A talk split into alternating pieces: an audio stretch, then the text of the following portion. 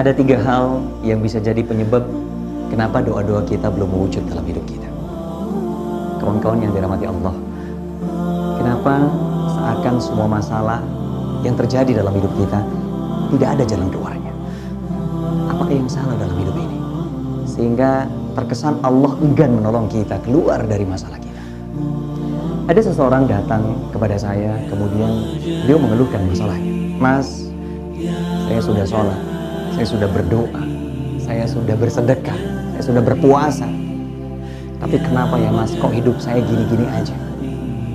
Kenapa ya mas, masalah yang datang dalam hidup saya kok seakan tidak menemukan jalan keluar? Kenapa ya mas, akan kok Allah biarkan diri saya terjerat dalam sebuah masalah? Dan bahkan seakan Allah tidak melihat ibadah-ibadah yang saya lakukan mas.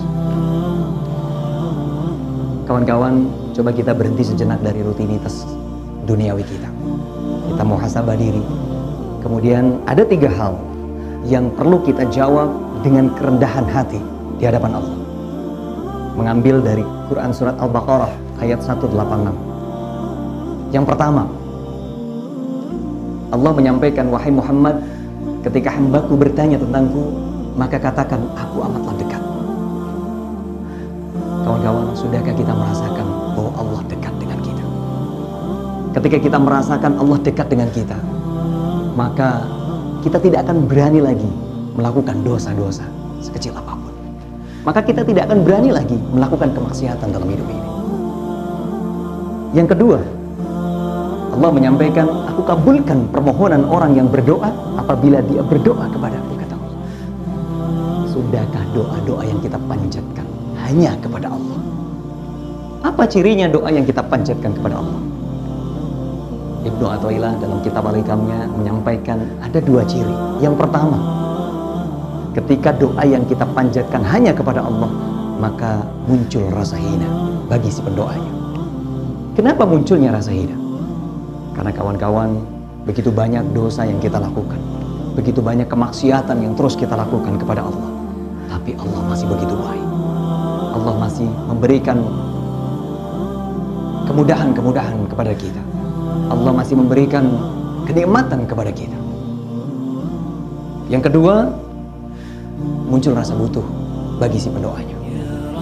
Kenapa munculnya rasa butuh? Karena kita paham bahwa kerajaan langit dan bumi adalah kepunyaan Allah. Maka sudah sepantasnya hanya kepada Allah lah kita berdoa dan meminta. Kemudian yang ketiga, hendaklah mereka itu memenuhi perintahku dan beriman kepadaku agar mereka memperoleh kebenaran. Kawan-kawan, sudahkah kita memenuhi perintah Allah dengan sungguh-sungguh? Atau sholat kita, kita jadikan sebatas penggugur kewajiban. Dan zikir-zikir kita, kita jadikan sebatas rutinitas saja. Iman itu tidak hanya diucapkan lewat lisan, kawan-kawan. Tapi juga diyakini dalam hati dan dilakukan dengan perbuatan. Siapa orang yang berkesempatan mendapat hadiah dari sebuah undian?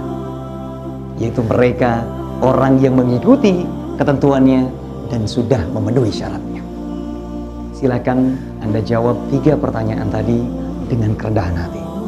Insya Allah doa-doa yang Anda panjatkan ketika Anda sudah bisa menjawab tiga pertanyaan tadi akan mewujud dalam hidup Anda. Dan pertolongan Allah amatlah